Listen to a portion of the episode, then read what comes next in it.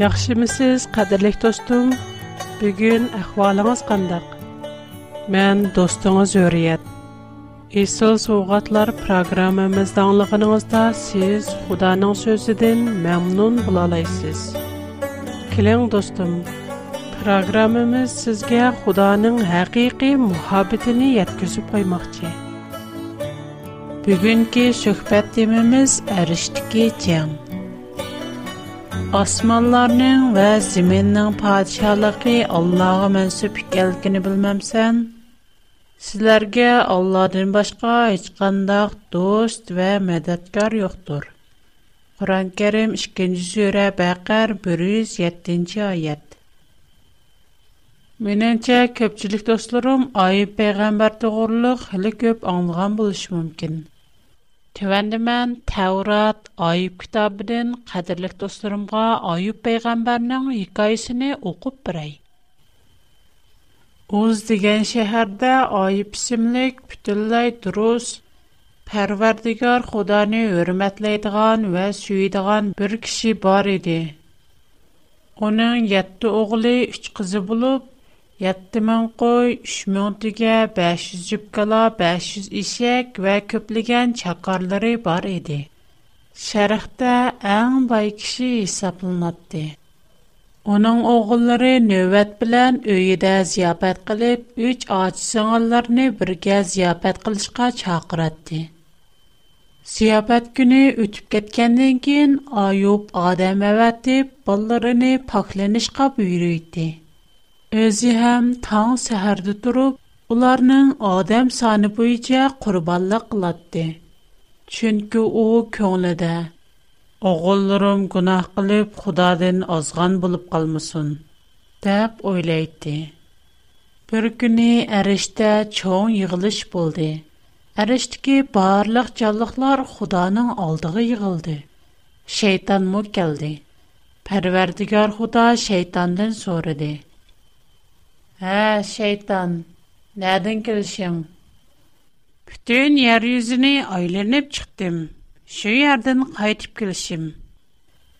Жауап бәрді шейтан. Сән менің сады қызметкарым айыпны көрдің мұ? Ер үзіде оның қоқшаш бүтілләй дұрыс. Құданы өрметлейдіған вә оны сөйдіған рәзілліктен ерақ адам йоқ. Şeytan cavaben. Hmm. Ayıbının Xudanı örmətlişi və onu söyüşünün səbəbi yoxmu? Sən onun tört ətrafını çitləb, onun ailəsi həm də onun barlıq mülkünü qoğdumadın mı? Sən onun əmləgə bərkət ata qılıb, onun baylıqını əsilləb Maqul. Уның барлыгы сенең кулыңда. Бирақ уныңга зянкешлек кылма. Пәрвәрдигар Худа шундый дигәненнән кин шайтан Худаның алдына кепте. Бөргүне Ойубның фарзатлары чөнг аксиның үе йыгылып зияпет кылып ятканда бер хаварҗи Ойубның кышыга җыгырап geldi. Бигим бигим кала яр агдырып ишек янында от яваттатты. Тюксыз себиялыклар бастырып килеп, улагларны булап кетти. Әмдә чакарларны өлтүрүп ташлады. Фақат мен бір адамны қечіп аман қалдым. Шуа бұ хабарны сізге еткізгілі келдім, деді. Оның сөзі тәқі түгімейла ені бір адам жүгіреп келді. Хожайын, хожайын, Худа асмандын от ягдырып, койпадылары ва чаккарларны көйдіріп таштыды. Пақат мән бір адамла аман қалдым. Шуңа бу хәбәрне сізге еткізгілі келдім. Дәп тұрышыға яны бір адам асырған алда жүгіріп келіп, мұндақ деді. Хучам, калдиянлықлар! Калдиянлықлар үшкі білініп, тұйықсіз басырып келді. Түгілерні бұлап, чаккарларны өлтіріп таштыды. Пагад мәлле бир адам качып аман калдым. Шуңбук хәбарне сезгә 700 гына калдым. У ТХ сүзләп атканда яңа бирәдә мәсәргән пети итеп келди. Бигем Сизнең, сезнең балаларыгыз, сезнең балаларыгыз чөңәк синең үйде япчы утканда тусаттын каттык буран чыкıp кетти. Буран үеннең төтпәрчикегә каттык Өй, балаларның üstеги өрүлеп, әmməsi өلد. Фақат мен бир адамла аман калдым. Шуңа сізге бу хәбәрне яткызды келдим. Шинәм белән айып орныдан турып, киемләрне йертеп, ча сакалларын төшерүп, бешине йерге төкүзіп, ярда тизленеп тазим кылды. Мен анамның курчкырын ялыңач келдим, һәм ялыңач кайтыман. İnam qılğıcı Pərverdigardır. Qaytırıb alğıcımı Pərverdigardır. Pərverdigar Xudanın namına mədiyələr yağsın. Bu bir qatar işlərdə Ayub günah qılmadı. Onun eğizidən Xudağa böhtan çaplaydığı sözlər mə çıxmadı. Yəni bir günü Әриштікі барлық жалықлар пәрвердігар Құданың алдыға иғылышты. Шейтанму уларның арысы да білді келді. Парвэрдігар худа шейтандын зориди. «Хаярден келишим?» «Бүтін ер-юзіни айленіп чықтим. Шу-ярден хайтип келишим?» Чаваб бэрди шейтан. «Хаа, минин сады хызмэткарим Yeryüzidä onundak bütölläy dürüst, xudany hürmetleydigan wä süyidigan qonaqtin yiraq adam юк. Sän gerçe mini onunğa hücum qilishğa quturtıp, uni sebabsiz wäran kılğan bolsaŋmo, u yana la saplığını saxladı. Hım. Adam teri bilan adam. Adam hayatını saqlap qılış üçün barliqdi wazgeçişgä razy buldı. Навадисан, қолсузып, уның ұстыхний ва күшіге тениг зиян еткісан, у чыгым шу заман сандын юз өріп саңа бүхтан қылды? Деп, цавап берді шейтан. Парвердігар худа шейтанга. У сүның қылында. Пақат уның хаятығы чыгылма. Шенн блан шейтан парвердигар худаның алдын кайтып, Аюпга зәрбе бәрде. Уның бешидән айыкыгыча чаккак яры чыкарды. Шынн белән Аюп күлдә ултырып, чини парчысы белән бәдәне татлады. Уның аяле уныңга: "Силәй яналар үзләренең пахлыгыны сакламакчымы? Худаны йүзәреп, өлим түгесләр булды." ДД Айып булса, уныңга калва хутындәк билҗирлеме. Әҗба биз Худаның кулIdән бахт кирештөк. Капат киме учırmамдык. Бу бер қатар işләрдә Айып егъизечэп, гунаһ кылмады. Уаркез Худага бүхтан чаклымады. Айыпның үш досты: Илфәр, Билдар, Zuffarlar bu barlıq afətlərini anlığandan keyin onunğa təsəlli veriş üçün gəldi. Onlar onun yanında 7 küçük gündüz oldurdu. Heç kim onunğa söz qılmadı. Çünki o qatlıq azablanıb atatdı. Keyin Ayub iğiz açıb özünün doğulğan gününü qarğaşqa başladı. Mən doğulğan aşı günü ham o'g'il bo'voq ekan degan ashu kecha yo'qolib ketgay u kuni qorong'ulikqa aylanib qatorliq nurg'un so'zlarni qildi biroq uning do'stlari bo'lsa siz chuqum biror yushurun maxfiy gunoh qilibsiz shu xudo sizga g'azab qilib sizni jazoladi deb oyib bilan munoziralashishga boshladi Айып болса, өзінің гунахсызлықын әйтіп, олар білән мұназыры қылатты. Олар көп мұназырләшкәннен кейін айып өзіні әққаны дәп чығынтырғалық үшін, оның үш досты оныңға яна жауап қылмады. Бұл жағда оларның арысыға құшылып олтырған Илеху үсімлік яш айыпқа атчықланды. Чүнкі айып өзіні әққаны дәп қарап, Худаны хаққаны демеген еді. Элиху яна Айыпның үш достыға ачықланды. Чүнкі олар Айыпның сөзге жауап қайтыр алмай, яналы Айыпны күнақ қылды деп чен тұрды. Элиху оларға Худаның хаққанылығы, михрибалықыны көп түшендірген еген, кейін пәрвердігер Худа құйын ішчеде Айыпқа жауап қайтырды. Сен үҗәнең нәйти mükemmel дип караешсен. Бирок мен һәммидән mükemmel. Сәннең иң mükemmel кемне түшәнмәйсән, һәм чинәлмәйсән. Чөнки сән инсан, мен Худа. Шунн белән Айыб özенең Худаның алдына кемтәр ва туан туп Худага бөлсөндә. Парвардигар Худа Айыбка сөз кылганнан кин, "Уның 3 достыга мондах" диде. Sizlərə mənim qəzəbim yağdı. Çünki sizlərin mən doğruluq qılğan münazirənglər sadə xidmətkarim Ayibnin sözüdən doğru emas. Hazır sizlər 7 dana erkek qala, 7 qoşqar elib mənim xidmətkarim Ayibnin qəşiq beranlar. Özünlər üçün qurbanlıq qılınlar. Менің сады қызметкарым Айып сілер үшін дуа қылды.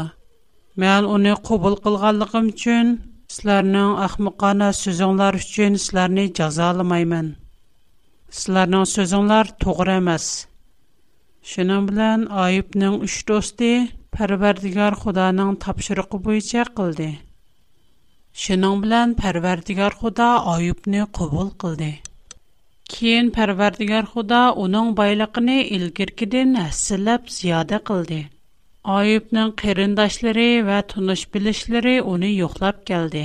Ham u uchirgan kulpatlarga ish og'irtib, tasalli berib, har bir odam uningga bir parcha kumush va bir tol oltin alqa sovg'at qildi.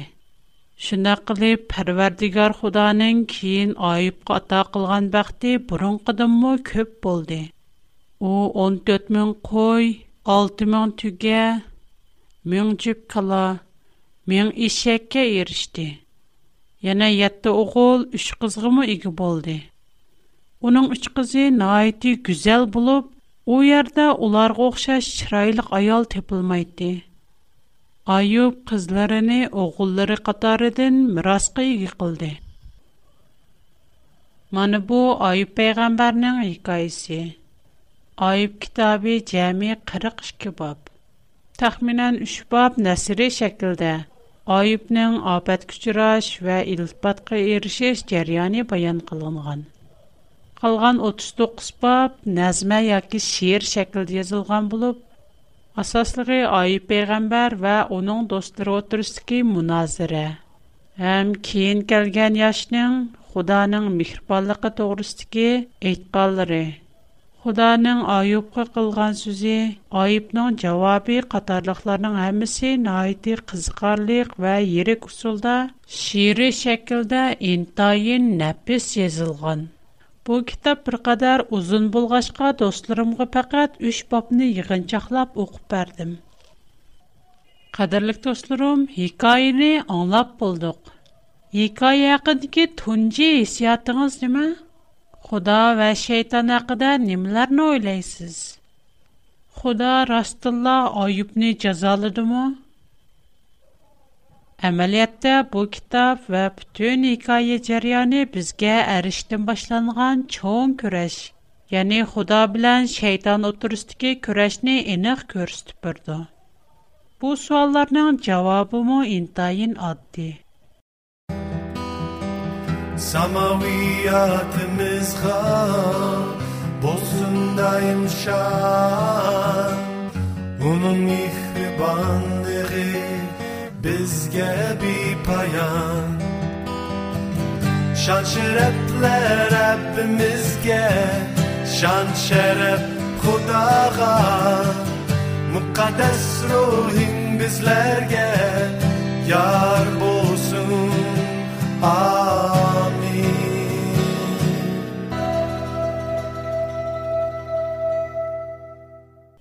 Xuda odamni hərgiz səbəbsiz və xalığanca cəzalamaydı. Çünki Xuda Quran-Kərim 1-ci surə Fatiha 3-cü ayət, 52-ci surə Qaf 29-cu ayətdə aytılğandək, Allah naiti şəfqətlik və mehribandır. O hərgiz bəndələrə zulm qılğıcı emasdır. Şeytan əriştik çağda naiti nurluq, güzel və əqillik pərişti idi. Amma o, öz yaratqışısıға şükür etmai, haqqa uğurlu qilip, Xudanın ornıға köz alay etqallıqı. Özini həmmidin yuqarı orunğa kütürüş üçün toplan u jannatdan aytilgandan keyin qurishqida xudoga g'um saqlab insonlarni ozdirish orqali xudoning qonuniga buzg'unchilik qilmoqchi buning bilan butun insonlarni o'zi bilan birlikda halok qilib xudoning mehr muhabbatli xarakteriga zarba bermoqchi hech kim o'zi yasagan narsaning kukm talqon bo'lib ketishni xohlamaydi albatta Hatta o adətdəki kiçik, ərziməz bir nərsə bolğan təqdirdimi, əgər buzulub getsə, adam köp qayğırdı. Onun üçün көңлі yerim болды. Мәлім бір язғычы бір кітап езіп чықты дейлі. Lekin to'satdan bir kuni kitobga o't tutishib ketib, kitob kuyib kul bo'lsa, u yozuvchi qanchalik azoblanar? Bu uning uchun nima degan azob? Vahalanki inson eng dastlabda xudoning qo'lidan chiqqan nihoyatda mukammal va eng chiroyli asar edi dal shayton xudoning mehr shafqatli xarakteriga muhabbatlik qonuniga zarba berish uchun bu chiroyli suratga o't tutashtirdi odamlarni ozdirdi Программа ахырда достумга адресимni deb bermoqchiman. Agar men bilan aloqalashishni xohlasangiz, қалам ва qog'oz tayyorlab qo'ysangiz, программа oxirida adresimni xotirlab olasiz. Яна odamlarga Худо jazolag'uchi, shafqatsiz инсонларни jazolashni яхши ko'radi deb Xudoning характерини burmiladi. navoda xudo shayton aytgandek jazolg'uchi bo'lsa nima uchun ayni chog'da odam oti bilan havo onini gunohi uchun yo'qitib o'rniga ulardinmi itoatchan va mukammal odamni yasab chiqmadi ko'rinib turibdiki xudo noiti mehribon kuyimchan xudo u o'zi yaratgan odamni shu qadar yaxshi ko'rgachga Гәрчә олар бузылып, әҗикә чыгып кеткән булсамы, яналар уларны дәвамлы төрте яхшы күрде. Уларны özенең иң yükсәк мәхәббәте белән, иң чоң курбанлыгы белән рәхмәт кылды. Әгәр Худо инсандарны рәхмәт кылып әслей кертсә, униң мехриман калбе шатланды. Худо инсандар бузылып калган машина, үстәл орындык Рәмәт кылып, аслек калтыргандан кин, чаксыз шатлык, хозор ис kılгандак. Худа инсандарны яхшы күрә дә. Әмма шейтан булса, Худаның düşмене. Шуңа у Худаның мөхәббетгә тәхлият күзүш өчен инсандарны оздырып, Худаның мехрибанлыгын уҗом кылды. Бәзе дә кинот, лузерлардан мондай аңлап Düşmanından öç almaqçı bolsan, onun ən amraq balasını vəyran qıl. Onunğa ziyan yetküz. Bunun bilan düşmanının yürək bağrını para-para qılıb etələysən. Bu geplarni albatta şeytan ijod qilgan. U barliq yomonlik, yolg'onchilikning ijodchisi emasmi? Айыпның икайсы әрішілік худа білән оның дүшміні шайтан отырысыдеке жаңның кичіклетілген көрініші. Шайтан худаға төхмет қылса, қары чаплыса, біз өз түрімішіміздікі худаның бізге қылған әр бір үлтіпатыны ойлап күрейлі. Бәлкім, бәзіде бізнің күнақларымыз сәвәбіден худа бәзі сәвақлар арқылық бізні тәрбелеген. Mihrbanlıq yığıp turgan äyibläşleri bilen bizni toğrı yolğa qaytırıp kelгән bulış mümkin. Bu hərگیز jazalaş emas. Muqaddas kitap Injil İbraniyalarga yazılan xat 12-nji 5 6-nji ayatda mundaq tiilgen: "Ey oğlum, Rabning tərbiyesigä sel qarma. Rabning äyibläşidən ruhsızlanma." Чөнки ул сөйгәнләргә тәрбия бирде. Өз кабул кылганларны савайды. Бу аятның мәнисе нимә? Худа инсанларны яхшы күрде. Шуңа уларга һәр хил усул белән тәрбия кылды. Әгәр бер адам хата юлга карап маса, Худа уның алак булышыгы чедмай, ул кешене ашу кеше күтәрәлегрәк дәрәҗәдә әйипләйде. Навада бер ата өз пәрзәтіне яхшы көрдім дәп тұрып. Балысының хәмі ішлерға йол қойса. Балысы арақ чеш, тамак қатарлық яман ішларыны қылғанда, баламны сүймен. Оны әйіплешке, жазалашқа құлым бармайды деп балысыны давамлық пәпілісі. Бу атының балысығы болған мекрибалықы күйімчалығы қандық. Әгәр бала яман юлга кирип, бала гычырса, очуқым атысыдын, атысының тәрбиесіден қаттық ағырынды. Бу аты болса, баласының бешіғы чыққан чоң әйіпкар болып исаплынды. Оқшашла бір ата өз баласыны яхшы көргәлікі үчін, баласы хата іш қылғанда оны әйіплейді. Эғыррақ болғанда оны чивық білән савайды. Әмма һичкандак бер мехрибан ата өз баласын купалмайдыган дәрәҗәдә каттык урватмайды. Уларның балларыга тәнбих бирише, уларны савышы, бала күтәрәләйдыган дәрәҗәдә йинек һәм йомшак. Әгәр аты булгычы купаллык белән баланы урып купалмас кылып койса, яки баланы яхшы тәрбиялмай үз мәйлеге куеп берсә, Бубала бала әргіз оның өз баласы әмәс. Чөнки о бу балаға күйінмейді, яки оны яхшы көрмейді. Худа бізні әр қандақ бір михрибан атыдың му бәкірек яқшы көрді. О дүниадыки барлық михрибан аты аналарды му михрибан, әм шәпқатлик. Шуңа о бізге әр даим күйінді. Әгер біз хата йолға керіп қалсақ, Худа енек тәнбейләр аркылы безне савап, тоғры yolны ішарат қылды. Безне тоғры yolга итәкләйди. Шуңа Худаның мошы дөньядагы инсанларга бергән тәрбиясе жаза җәза эмас, бәлки мехрибанлык. Шайтан безгә Худа инсанларны җәзалашкамрак, о кешеләрне кәлс-кәлмәс жазалайды деп үгетиде. Həm məşə dünyadakı barlıq balayafət, cəzalaşdığın hamısı Xudadan gələn deyə yalan aytıdı. Qur'on-Kərim 35-surə Фатир 45-ayət. Əgər Allah insanlarni onların qilmishlari tüpəylidən cəzalaydigan bolsa, yer yüzüdə heç bir жан igisini qoymagan bulatdı. Və lakin Allah onlarni müəyyən vaqtqaça təxir qılıdı. Дилгенедек Худаның инсанларны сора кылдыган күне бирле кытым. Жазалайдыган күне мо бирле кытым келеди. У булсымы кыямат. Бу дөньядагы эгер жаза, апат, бузгынчылык ва һәр хил разил кылмышларның һәммәсе шайтандан келеди.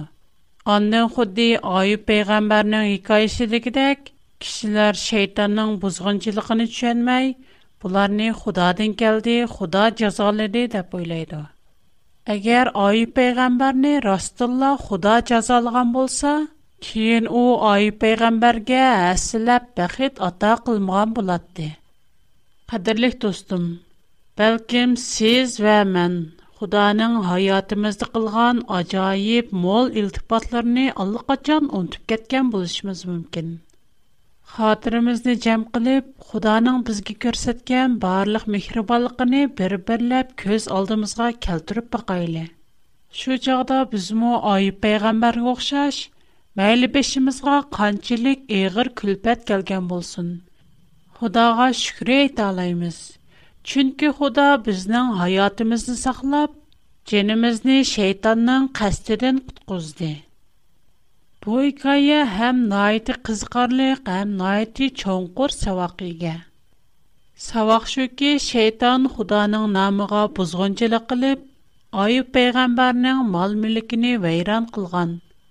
Tiniga ziyon yetkizgan bo'lsa-mu, Бұның білән Айып пайғамбар өзінің Худағы болған итаатчанлығы шүкір қанаатты, мұхаббетini тоқтатып қоймады.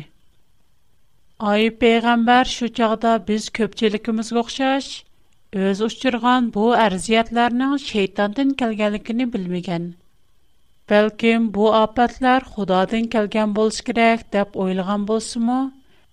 Әмма о әргіз құдадың ағырынып, өзінің құдағы болған ита атчалықыны тоқтытып қоймады. Ойлап бақайлы, шу Ай пейғамбар шәріқті әң бай кіші. бір күндала барлық мал мүлікіден айрылды. Мәйлі Айуп пейгамбар бай вақтыды болсон, яки кәмбэгал вақтыды болсон, өз пахлиқыны сақлап, худағы болған мухабидді ішенчіні тәуыр атмиди. Бу, қандах чоуң құрталим. Мен худани маңа көп байлық ата қылғал құчыламаз, бәлки хамин арсидын айрылип кәмбэгал болып қылған ва اخششلا یاخشی کردن. چون خدا منی алды بلن یاخش کردی. Мен اونانگا جواب قایترش چون اونی یاخش کردن. اونانگا بایسون من. میلی من بايبولاي کم بغل بولاي او انج میخربان انج شب قتل خدا. او منی یاخش کردو. خدا از نام میخر مابتن چنی بیت از Onun tənbihini xoşallıq bilan qəbul qilishni xohlaydiganlarga İncil vəhilər 3-cü bab 8-ci 10-cu ayətə qədər mündəh vədi bərgən. Sənin əməllərini biləmən. Küçüğünün az ikənlikini biləmən. Lakin sözümə əməl qıldın və namımı inkar qılmadın. Qara şeytanın topudiklərini, Шۇنداق قىلىمەنكى، ular kelib، سىڭ ئاياقلارىڭغا يېقىلغۇسى، ۋە مېنىڭ سيني يەخشى كۆرۈدغانلىقىمنى كۆرگۈسى. سۆزىمگە ئەمەل قىلىپ، سەۋەر بىلەن بىرداشلىق بېرىغانلىقىڭ ئۈچۈن يەر يۈزىدىكى ئىنسانلارنى سىناش ئۈچۈن بۈتۈن يەر يۈزىگە كېلدىغان سىنوقنىڭ ۋاقىئىي سائىتېدىن سيني قوغداپ قىلىمەن. بۇ بۇۋادى سىزگە ۋە مۇڭا bu dunyodagi barliq arziyatlarga sabr qilib, Xudoning mehr-muhabbatli xarakterini tushungan va Xudoning bu mehr-muhabbatini boshqalarga bergan har birimiz uchun berilgan eng go'zal va'da. Qadrli do'stim, kelar qatim sizning programmamizni yana ziyorat qilib kelishingizni orzu qilaman. Sizning xatingizni topshirib olish mening xo'shalligim. менің тұр адресім hurriyet at bigfoot.com менің хат адресім a w r p o box 310 менің хәзірше хат адресім 香港邮政总局西巷310 нөмір. Хош, Худаға аманат. Қайт көрішкіте аман болуң